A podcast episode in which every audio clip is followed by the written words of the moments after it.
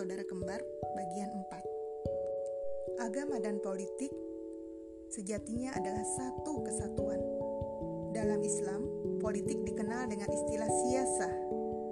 Secara bahasa, siasah berarti mengatur, memperbaiki, dan mendidik. Politik dalam Islam diartikan riayah so'unil ummah, yaitu mengatur urusan umat. Segala permasalahan umat dipecahkan sesuai pandangan Islam